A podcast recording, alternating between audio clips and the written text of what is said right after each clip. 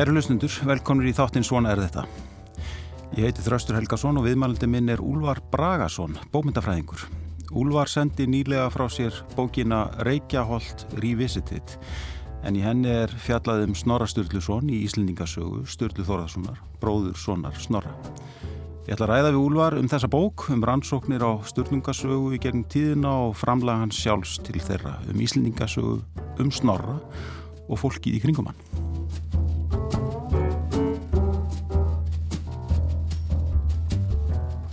Úlfa, velkomin í þáttin. Takk. Þú hefur lengi rannsakað stjórnungasögu, ekki satt? Jú, hóst nú eiginlega þegar ég var í hér, námi í bókmyndafræði í Óslo. Þá var ég í eh, námskeiði hjá Else Mundal og uh, hún lagði fyrir okkur að skila verkefnum og ég skrifaði þá um uh, stutta, uh, stutta yfirlitum Þorgilsögu Skarða og síðan kom þetta í öldi fyllri útgáfi í skýrni skömmu eftir ég lög námi. E, þá var nú ég eiginlega búin að ákveða það að fara til bandaríkjana í framhalsnám og að skrifa um styrlungu. Ég hafði sjálfsvegar ekkert haft neitt uh, sérstakar áhuga á uh, fortsögum uh, þegar ég var hér í námi. Nei. En svo gerist þetta þegar ég var í Óslo. Ég fekk áhuga á þeim meiri og sérstaklega styrlungu og það vildi nú svo til að foreldrar mér hafði gefið mér styrlungu útgáfu svo kallar styrlungu útgáfu uh, á meðan ég var í bíanámi og ég, ég man ekki eftir að við höfum þurft mikið að lesa hana þá en, uh, en sagt, þetta var einhvern veginn þannig að leiti til styrlungu og þegar ég valdi það að fara til vandaríkjana þá uh, uh, var nú fyrst uh, áhugi minn á að læra hjá Grand Old Man í miðaldafræðum íslenskum í bandaríkjunum Theodore M. Anderson en hann beindi mér frekar til Berkeley hann var sjálfur í Stanford og sagði að þar væri nú bæði tveir kennarar og síðan myndi ég þar geta verið í Scandinavian Studies en ekki Germanic Studies eins og hann var í oh, þannig að það myndi hæfa mér betur og þá hafði Carol J. Clover nýlega gefið út bók um uh, frásagnafræði miðalda ja. sagna og þetta sem sagt hæfði mér því það var það sem ég hafði áhuga á fræðslu. Og þú, þú skrifaði dottorsvíkir um Já, ég gerði það um Sturlungu, já. Það er kallaðið The Poetics of Sturlunga, eitthvað sem ég var að leggja áherslu á það. Ég væri að fjalla um hvernig Sturlunga væri samansett og sögurnar í henni, ekki að fjallum hana frá sakfræðilegu sjónamiði.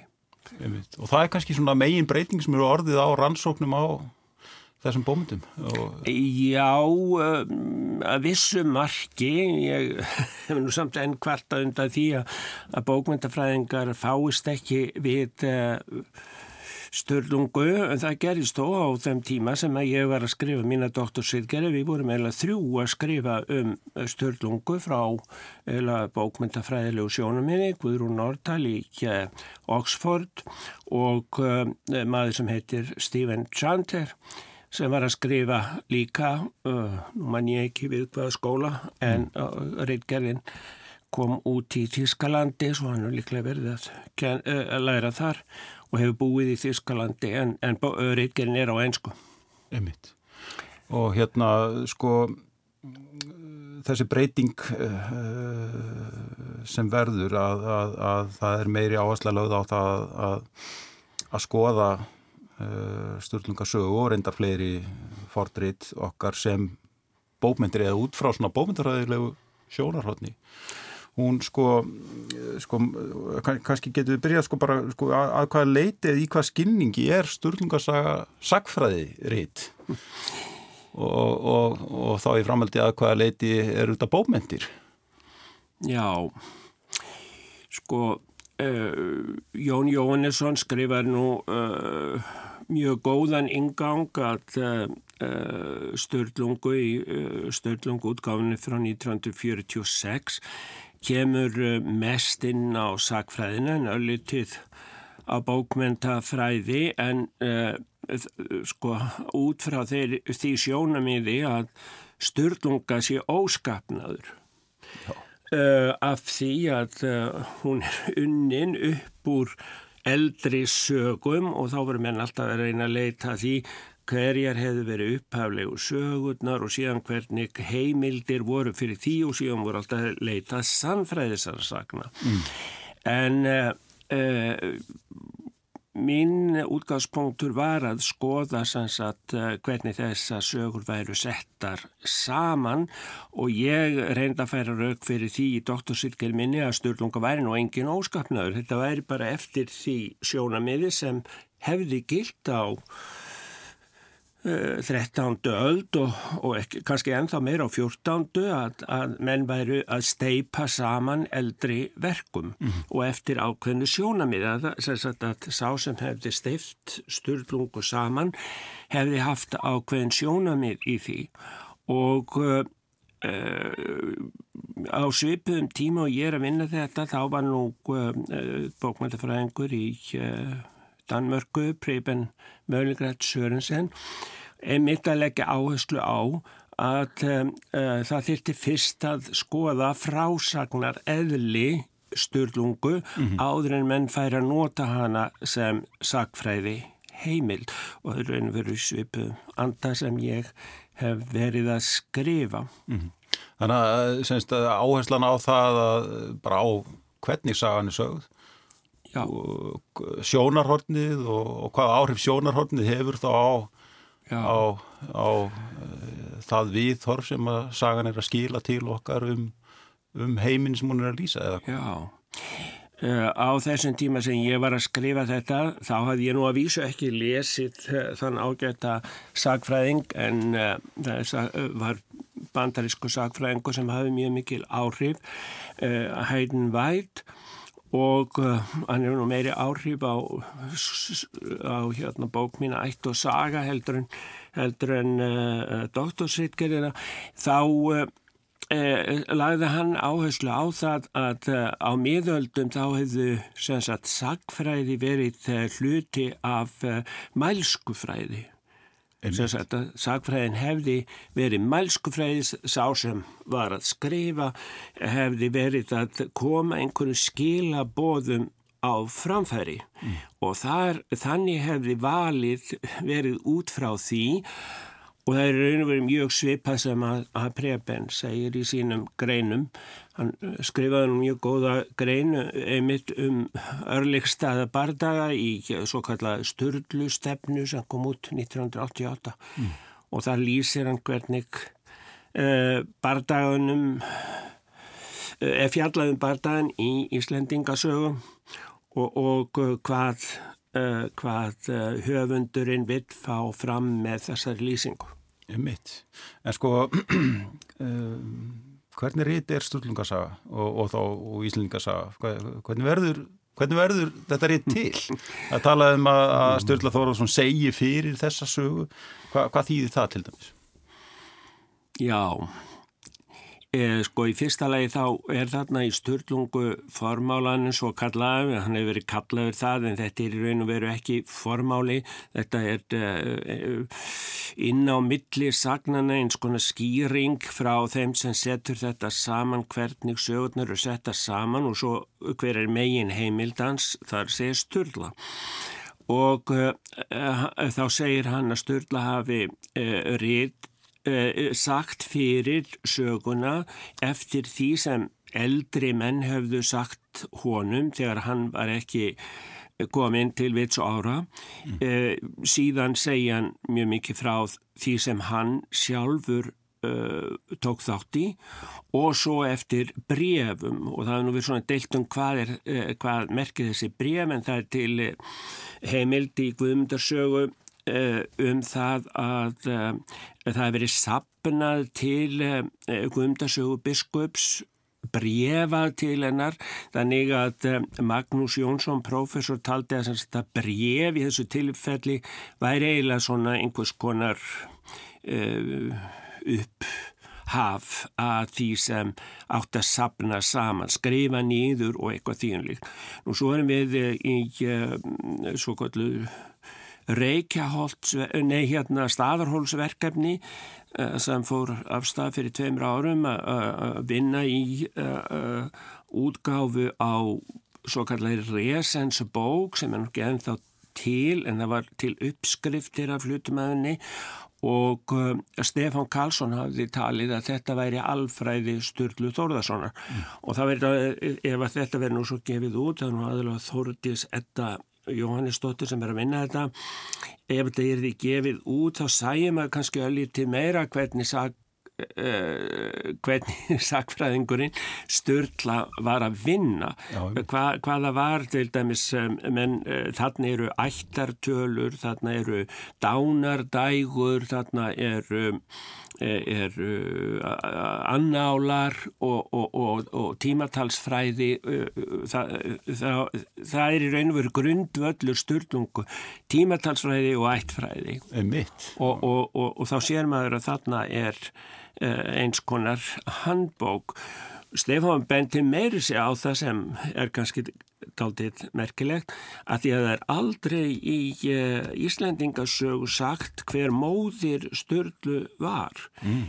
Uh, hann, hann færi sig að, bara til uh, föðurættar og Stefán bendir á í þessari resens bóka eða því sem er eftir af henni þá sé ég nefnd dánardægur Þóru Jónsdóttur og það passar alveg við árið og, og, og eiginlega þann hluta ár sem hún er sögð degja í, uh, í, um, í Íslendingasögum.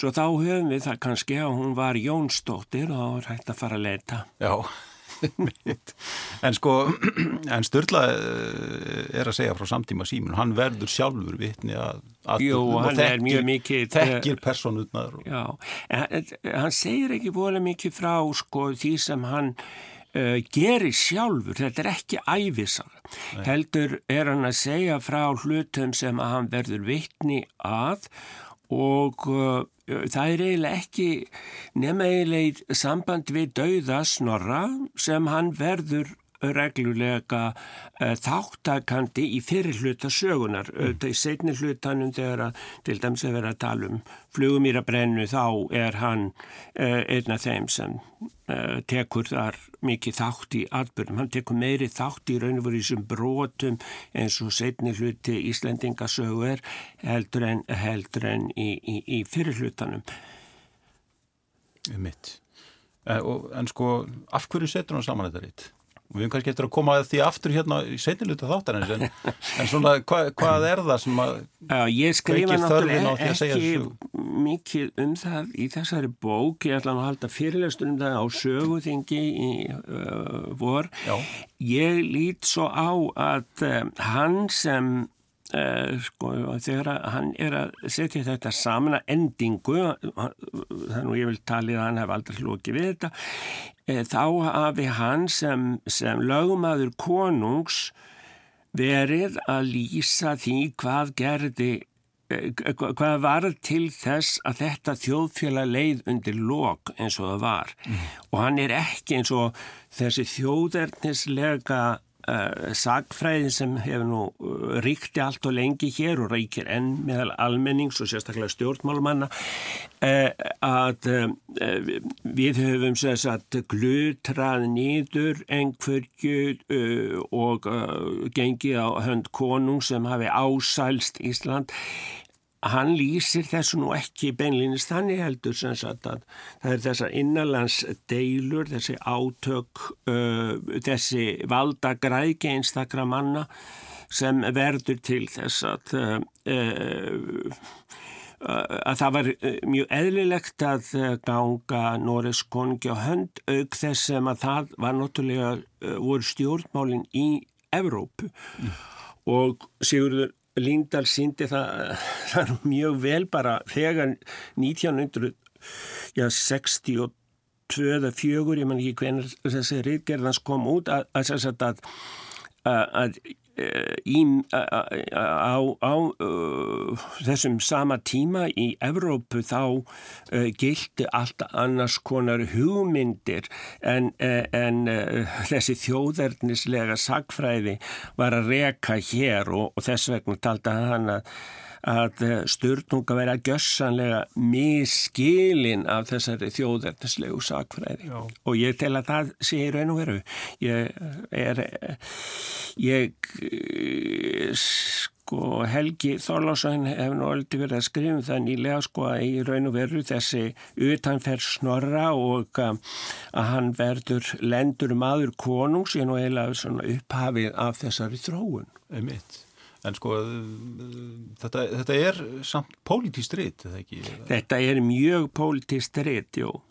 Ég held að það sé ekki neitt og, og í raun og veru sögurnar í, uh, í störnungu sko ef til dæmis menn lesa hérna rapsögu hérna sérstöku þá er hún náttúrulega mjög pólitísk. Hún verður ekki alveg pólitíski þegar hún er búið að skera fremst að hlutan af henni. Nei. Sko í, í þessari nýju bók þinni þá er Snorri svolítið í, í, í hérna miðpunkti og, og, og það rifjar upp þetta, bók Sigur Nordal hérna um Snorra sem að svona kom út fyrir öll síðan, cirka, ekki satt? Já, uh, 1920. Já, og setti marksitt á það hvernig Sturlunga var lesin og kannski fordrið okkar Eh, svona yfirleitt. Eh, en, en hans rít fjallar kannski um hvað snorra sem skáld þá frekar eða?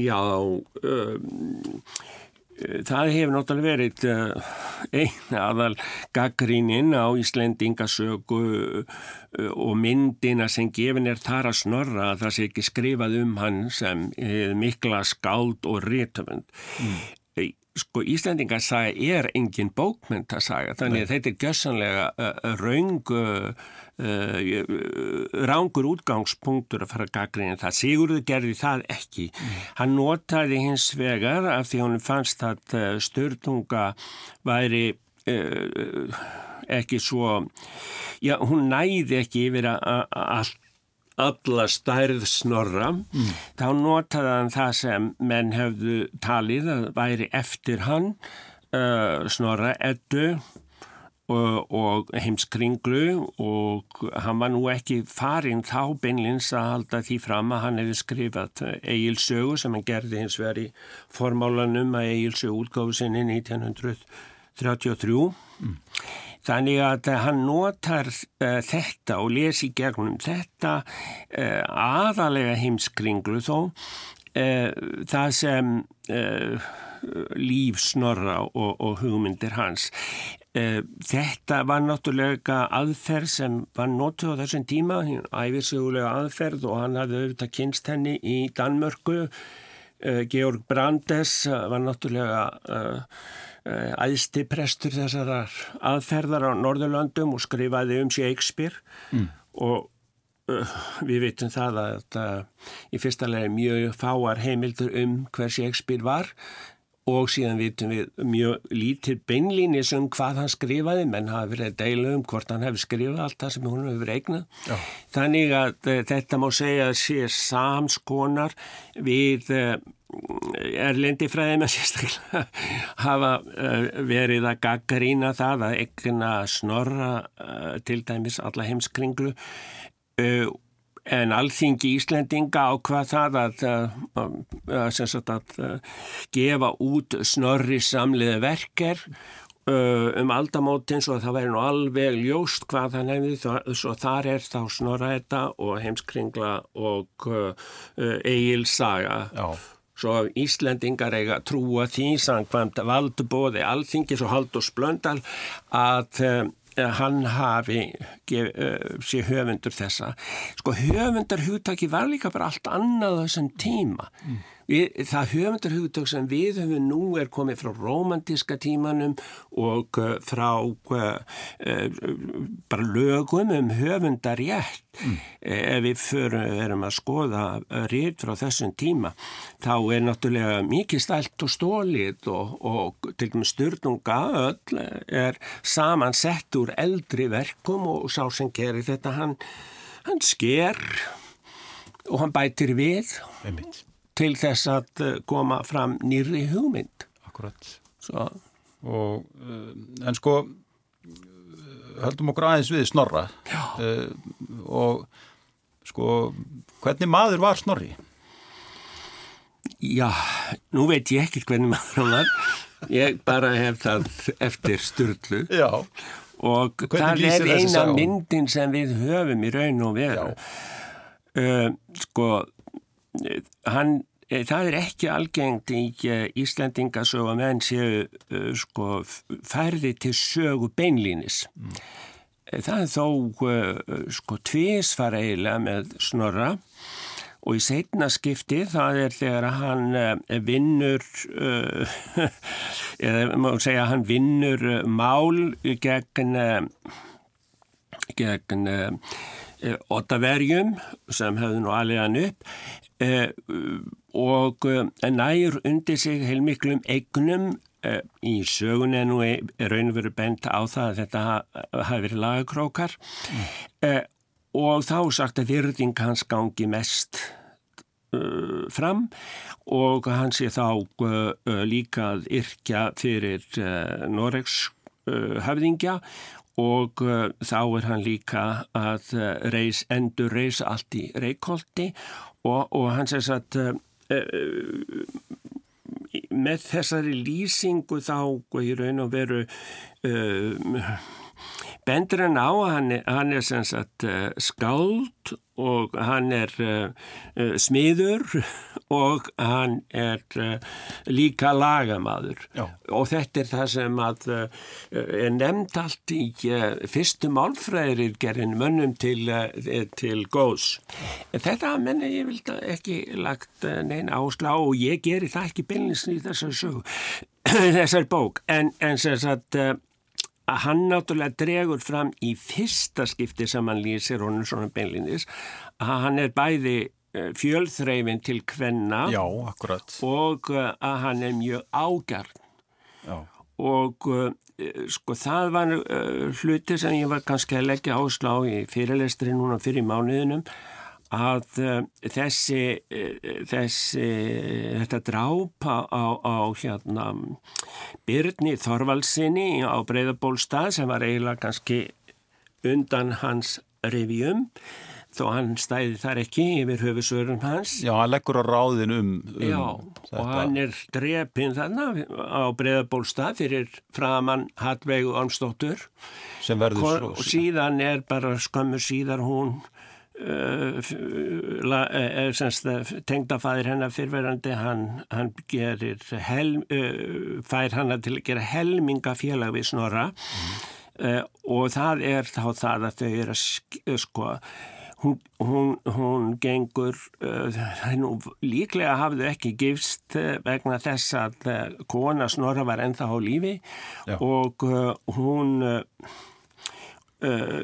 kirkjan hefur nú líklega verið á móti uh, því að skilna því á þessum tíma en, uh, en þau gera semst helmingafélag, þau búa saman lengi og Svo er það þegar að hún deyr þá koma þessi mál aftur upp og það er eitt af málunum sem, sem liggur að baki því að Snorri er drepin.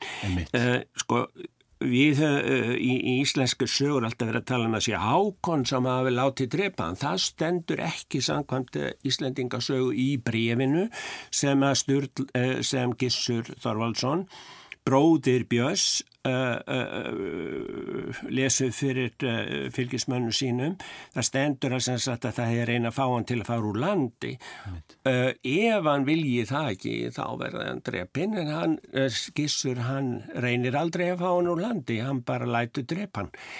Uh, og þetta tengist að sumuleiti því að Snorri hann hefur ekki viljað að láta þessa fóstur sinni sína fá uh, það sem þeir krefjast úr búinu vegna mm. helmingafélagsins en það tengist líka því að Snorri er að ganga eftir uh, bótum fyrir ættinga sína sem fjallu á örligstöðum mm það mál er aldrei útkljáð í Íslandingasögu. Mm. Það er tekið upp aftur í Þórðarsögu Kakava en í Íslandingasögu er það mál aldrei útkljáð. Það eh, er aldrei sagt, borgaðar neinar bætur fyrir sturdunga sem fjallu á. Umvitt. Eh, þannig, þannig ég átti mig sko af hverju villan Björn Fegan? Er það það er... Já, það er nýðið. Það er nýðið, já. Það er nýð, uh, sko, þeir, þeir fá þarna sunnlendingar, fá menn til að yrkja nýðum snorra eða rángfæra uh, kvæði hans um skúla Jarl. Hann orti tvö uh, mikil kvæðum skúla Jarl minn sinn á meðan hann var í Noregi og svo er hann varla fyrir komin til Íslandsa að Eh, það, það fær að gera gísa þessu kvæði eh, harðmúlaður var skúli. Já, eh, sem sagt að harðmúlaður hjá, þessi kenning hjá, hjá snorra á að merkja hann hafi verið örlátur og fjö en þeir segja hann hafi verið svo það svo hef, verið svo erfitt hann hafi verið svo hardur um munnin sérst erfitt að kissa hann. Já og þá er í raun og veru færið að gera, gefa því skóna að um, það hefur verið uh, óæskilitt samband á milli þeirra. Uh, skúla og, og, og um, snorra. Og þetta er náttúrulega ergi er það sem að var eitt aðal uh, aðal um, atriðir sem var notað efa í málum sko efa áttu að saka einhvern um, um hérna að koma einhverjum orðrómi á staði eitthvað svo leiðist þá var það um ergi kallmanna uh, það nú ekkert slikt í hugum konur. Uh, og uh, það eru mikil viðurlög við því. Já En bara þessi vísa, hún er, uh, hún í, í fyrir hlutanum er sanns að gefa í skýna að samband þeirra hafi verið eitthvað skrítið, en uh, það er aldrei sagt beinlínis, Nei. svo það er ekki hægt að saksækja þá uh, fyrir það í raun og veru og í setni hlutanum er sagt að hvæði snorra byggi á skáld fýbla hlut. Þetta sé svo vondur hverskapur að hann hafi fengið skáld fýbla hlutin sin, sem hann ánáttúrulega hafa skrifað um í snorrætu. en, en snorri er ekki eina fjöluna feldur, hann, er, hann, hann á konur og frillur og, og... Já, já, já, já. En, en það er spurning hvort að það hafi eh, sko verið... Uh, hann hefði fund, fundið sína fjöl þegar þau fóru að búa saman og, og, uh, en það er bara sagt svo lítið uh, frá henni að uh, það er aldrei erfitt að uh, átta sig á hvers konar kona hún hefur verið mm. uh, en hún er náttúrulega auðvasta kona á landinu og hún er af stór ættuðu fólki og það má búist við því að hún hafi fengið uh, þá mentun sem besta, bestu konur fengu sko. Uh, hún, hún er ekkit sko fadir hennar Ormur hann er náttúrulega utan hjónuband spatt Jóns Loftssonar Jóta, fóstu föður Snorra en hann er gift eða hann á hana, hún, hún er náttúrulega frilluball líka, eh, á hana með eh, eh, konu sem var sýstir Góðsmars í, í árángarvöllum þannig að, að, að hún er sem sagt af, af bestu ættum mm. á rángarvöllum, þessi kona. En það er, eru sem sé það eru kvennamál, það eru valdsækni og það er fjegraðiki í rauninu sem kemur hann í koll eða eitthvað. Já, það er svona kannski síni hversu langt hún gengur þegar að hann gerir þetta helmingafélag við konu sem sko orðrómurinn segir að hann hafi orðið manni hennar að bana. Akkurat. Svo er, þú skoða líka eh, samband snorra við sinni sína og dætur. Já. Og það virðist ekki alltaf hafa verið svona eins og bestur á kosið eða hvað. Þau, þau eigi ekki öll sjöldagana sæla miskusti? Nei, um, sko Sturla náttúrulega þekkir þetta fólk út og inn því að hann er ekki bara sagt, bróður, sonur snorra, hann er, er að vissuleiti alin upp í Reykjóldi og hefur líklega bara um, verið einhvers konar lærisveitn þarna í Reykjóldi og, og honum líku greinlega mjög gott orð til til dæms Hallvegar mm. og minnstakosti Klængs, sonar hennar e, en um, hann, þegar hann lýsir uh, andláti föður síns þá er öll fjölskyldan mm. við dánabili og fadir en leiðir þau til uh, arfs Já. við dánarbegð mm. líka það, uh, þau börnin sem hann flest hafði átt með frillusinni mm. en Snorri hann sem sagt er, er búin að lofa sónum sínum hín og þessum en hann stendur aldrei við það mm. Og þegar að uh, Eh, eiginkonu sonur hans eh, Jón Murtur eh, vil fá staðfestu og, og stuðning til að kvænast konu af Ottaverja ætt Eh, þá segir hann ég þú getur notað peninga mömmuðinar mm. semst að hann á að, eh, að, fara til móðusinnar á, á borg og, og, og, og sækja uh, nota það fyrir, hann vil ekki leggja honum neitt fram mm. nú uh, síðan uh, þeir hann nú í utalansför sem verður eiginlega ors, orsakast af þessu að þeir, þeir eru ósamála og svo uh, setna er það uh, uh, Órækja sem var nú frillusónur hans og hann fær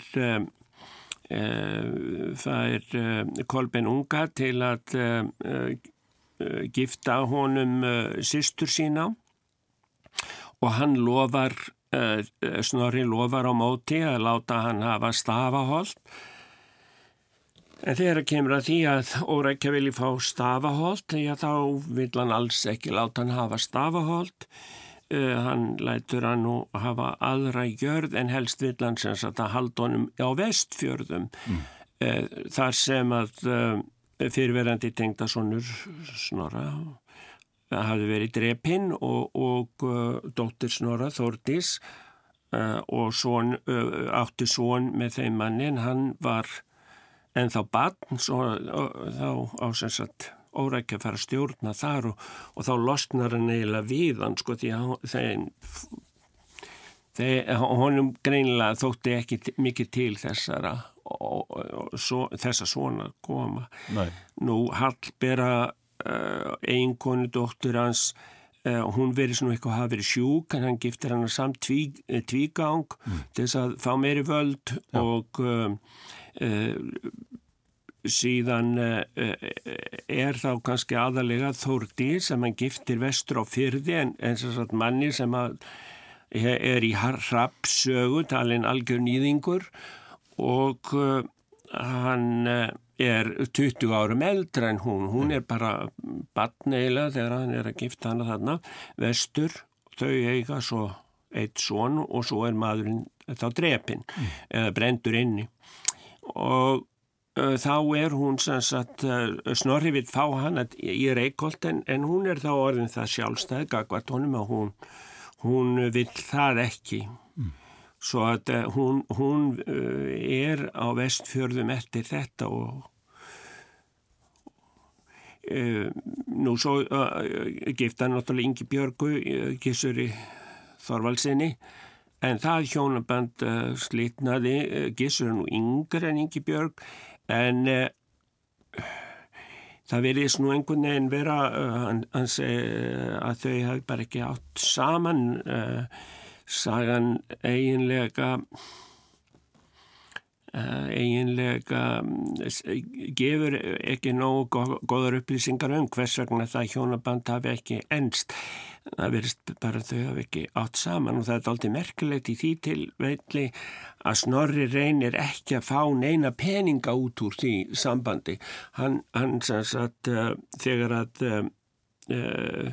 þegar að Hallbera dóttir hans eða Kolbjörn Ungi skilar Hallberu Eh, þá krefur hann Kolbin eh, bæði eh, valda á Norðurlandi og, og, og fjármuna. Mm. Þannig að það var, var mikið málaregstur út úr því.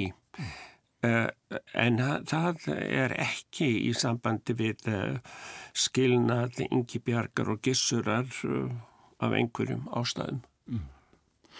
Snorri, sko það mætti telja upp nokkra lesti á þessum manni.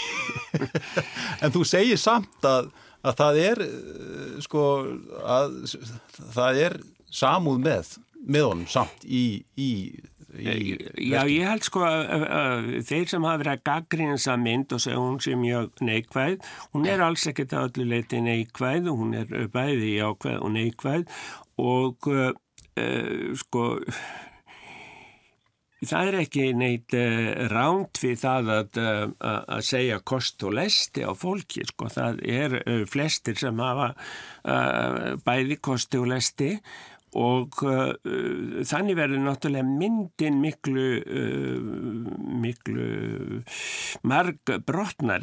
Við getum sagt að af þeim bræðrunum þremur, þeir, eru nú einna bestu mannlýsingarnar í sögunni þá er snorri marg brotnastur og, og, og ganski erfiðast að átta sig á honum. Mm.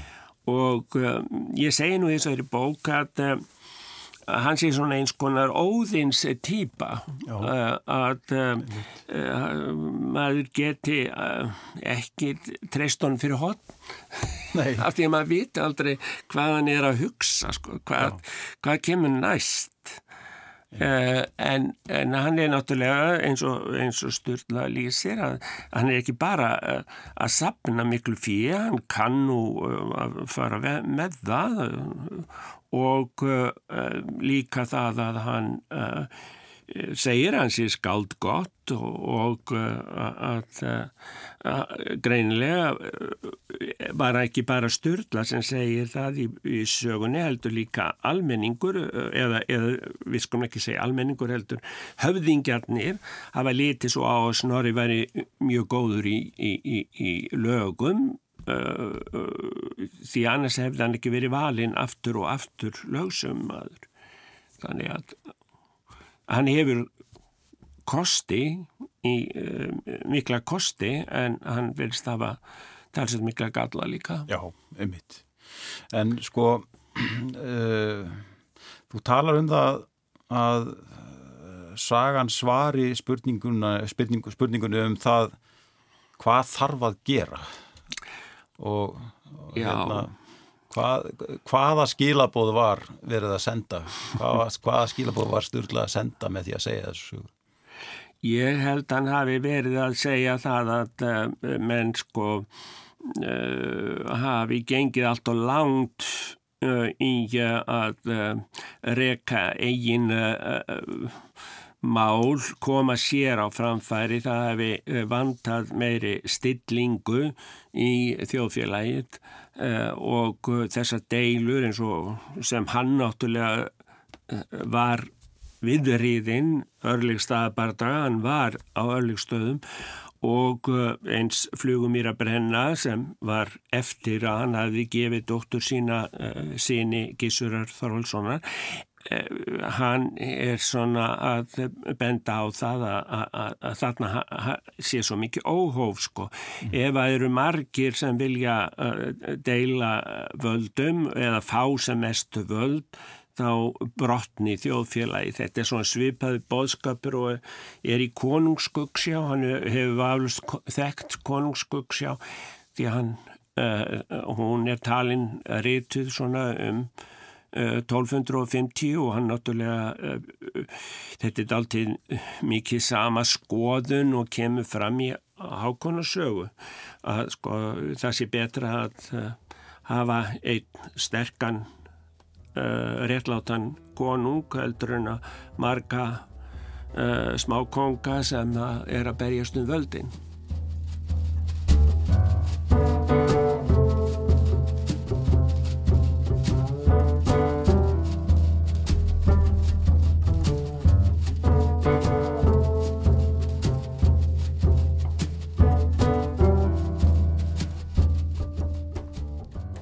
Kæri hlustundur, ég heiti Þröstur Helgarsson og þið eru að hlusta á þáttinn Svona er þetta.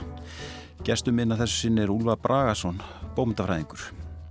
Í þessum þáttum hefur við rætt við forvitinlegt fólk úr ímsum kimum samfélagsins um reynslu þess og viðhorf. Fríða Ísberg, reytuöndur, rætti um stöðu skálskaparins. Hægt er að hlusta á Svona er þetta í spilararúf og í öllum helstu hlaðarps veitum. Mér finnst bara orðið erfitt að horfa á þessa afþreyingu af því hún er svo fyrirsjónleg hérna, Netflix-seríunar allar og maður er alltaf búin að kolla hvað er að koma á undan áður en það gerist mm. og það er, svona, er svo ótrúlega nöðsynlegt að hafa hafa hérna listaverk þar sem það er einn höfundur sem er kannski með einhverja svona einhverja svona uh, sagt, sérstakka hugsun eða eitt sjónarhort mm. myndi gera hlutina eins öðru sig heldur en lægstir samnefnarinn sem að kemur óhjákvæmulega þegar tíu kvikmyndahöfundar koma saman. Úlvar, uh, Störlungasaga var að koma út núna rétt fyrir jól hjá Íslenska Fordrita félaginu. Já. Það var Guðrún Ása Grímsdóttir sem sá um útgáðun og reytar ítalega formála. Þetta er glæsli útgáða, þrejum bindum. Já, Störlunga er náttúrulega svo launga að það er nú betra hafni þrejum bindum en uh, Eh, en í einu. Eh, en eh, sko þetta störlunga hefur verið gefin út mjög oft á já undaf hvað maður segja 100, síðustu 120 árum. Það er eiginlega ekki fyrir en þá sem að hún verður þekkt almenningi og, og við getum sagt að hún fari að hafa nokkur áhrif. Um, fyrst var nú gefin út sko af um, við kynum sagt að fyrsta útgáðan kom nú rétt bara eftir um 1820 en þá var það bara eftir einu handreiti en síðan reyndi Guðbrandu Vigfússon að gefa hana út í Oxford uh, uh, 1878 svo útgáða fekk nú mjög vonda dóma og Kristján uh, Kólung gaf uh, söguna út uh, í upphafi 20. aldar og svo útgáfa likun og eiginlega til grundvallar öllu því sem síðar hefur verið gert mm. og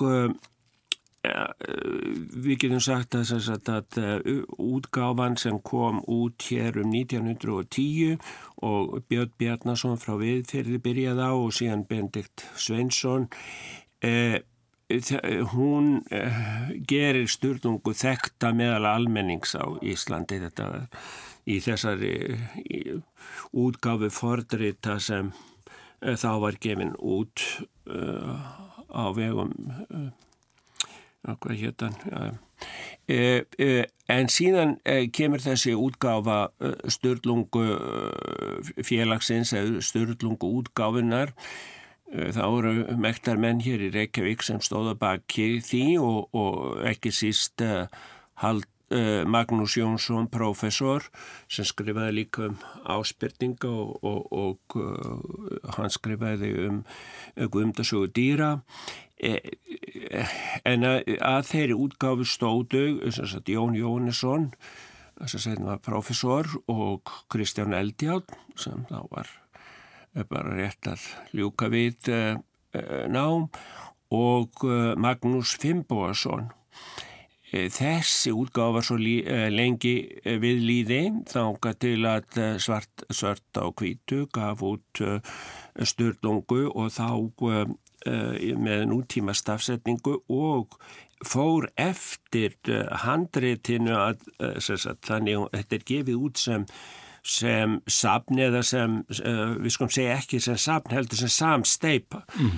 Uh, sögunum er steiftar saman eins og, eins og er í handritum. Uh, og þessi útgáfa gerir það þá líka en hún er nú með samræmdari stafsetningu fordri og hún sem Guðrún Ása vann náttúrulega að þessari útgáfi hjá Sört og Kvítu þannig að hún fer svo sem held ég dáltið sömu leið. Já. en uh, það sem er kannski uh, nýjast í þessu er að hún egnar störlu uh, eh, þórðarsinni miklu meira í störlungu heldur en hefur nú verið gert til lengi. Einmitt. En, en, en sko störlunga hefur ekki verið gefin út á ennsku, hún hefur verið þýtt Hún hefur verið týnt en uh, uh, þá var það í fyrsta lagi eftir þessari útgáfu sem kom 46 uh, og þá er það eh, einstakka sögur. Eh, útgáfan er ekki sé sko er misja, það eru mismöndi fólk sem þýðir mismöndi sögur og það er svona misjaflega vel þýttar þannig að það hefur nú eiginlega verið mikil nöðsin á að uh, gefa söguna út á ennsku það er nýlega komin út nýþýninga á sænsku. Mm. En það hefur eiginlega mjög brínt að fá sögun á ennsku því að það verðist nú vera þannig að fræðimenn þeir lesa nú ekki mikið á íslensku lengur því miður. Nei og, og þessi fræði er nú að stórun hluta að fara fram á ennsku, í ennsku málheimi eða ekki bara eins og svona húvísindi yfirleitt þessi, Jú, því miður.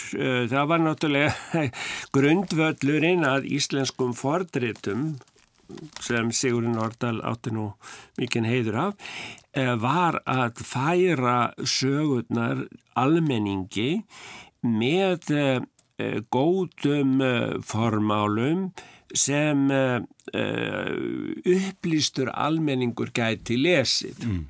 Þetta átti að vera upplýsingaritt, skulum við segja. En, en núna þá, sem sagt, þessi útgáð er mikið nótu erlendis af, af, af forbókmyndum hins íslenska fordreita fyrirlags en ég er ekki vissum að ekki lesi til dæmis formáluna þess, af þessum erlendu fræðimannum og eins og, eins og íslensk fræði, miðaldafræði voru áður þá voru þau aðalega stunduð á Norðurlöndum og í Þískalandi Það er ekki fyrir en til dæmis uh, bara eftir setna stríð að uh, íslensk fræði fara að eblast í bandaríkjónum. Mm. Þau voru uh, nú við líði í, í Breitlandi og þar má náttúrulega sérstaklega nefna W.P. Kerr sem var höfundur af Scandinavian Studies í University College London og svo voru þarna margir eh, ágæti fræðmenn setna og hafa verið en, en, en sagt, það er eiginlega ekki fyrir en bara uh, sko, síðustu 30 árum eða svo að uh, þetta er alltaf verða bara á ennsku mm. og margir ungi fræðmenn telja sig ekkert endilega þurfa að vera að læra íslensku Nei, einmitt. Og alls ekki skrifa á íslensku. Nei, nei, en ég er ekki að gera kröfu til þess en það nei. er svona aldrei erfitt ef maður getur ekki skrifað á íslensku um þessi fræði uh, nema þá bara fyrir Íslandinga því það er náttúrulega mjög margir sem er að fást við uh, uh, íslensk fræði erlendis og ég hef tekið til dæms eftir því að uh, þegar er verið að vitna í mig uh, þá er yfirlt verið að vitna í einhverjar enskar greinar mm. en ekki greina sem eru á íslensku eða uh, þessa bók mín ætt og sögu hún er sjaldan uh, nefnd og það er eina ástæðin fyrir því að ég fekk vinn minn Andrjú von til að þýða reykja óldur í vesetet vegna þess að uh, ég vildi kannski að, að fólk uh, vissi að ég hefði verið að skrifa eitthvað. Já, já og frábær þýðing og, og mjög áhugaverð bók og til að mikið með hana. Takkaði fyrir. Og hérna það var mjög gaman að fá því í þáttin Úlar Takk fyrir komuna. Takk, takk fyrir. Kæri lustundur, við verðum hér aftur á vikuleðinni Góða stundir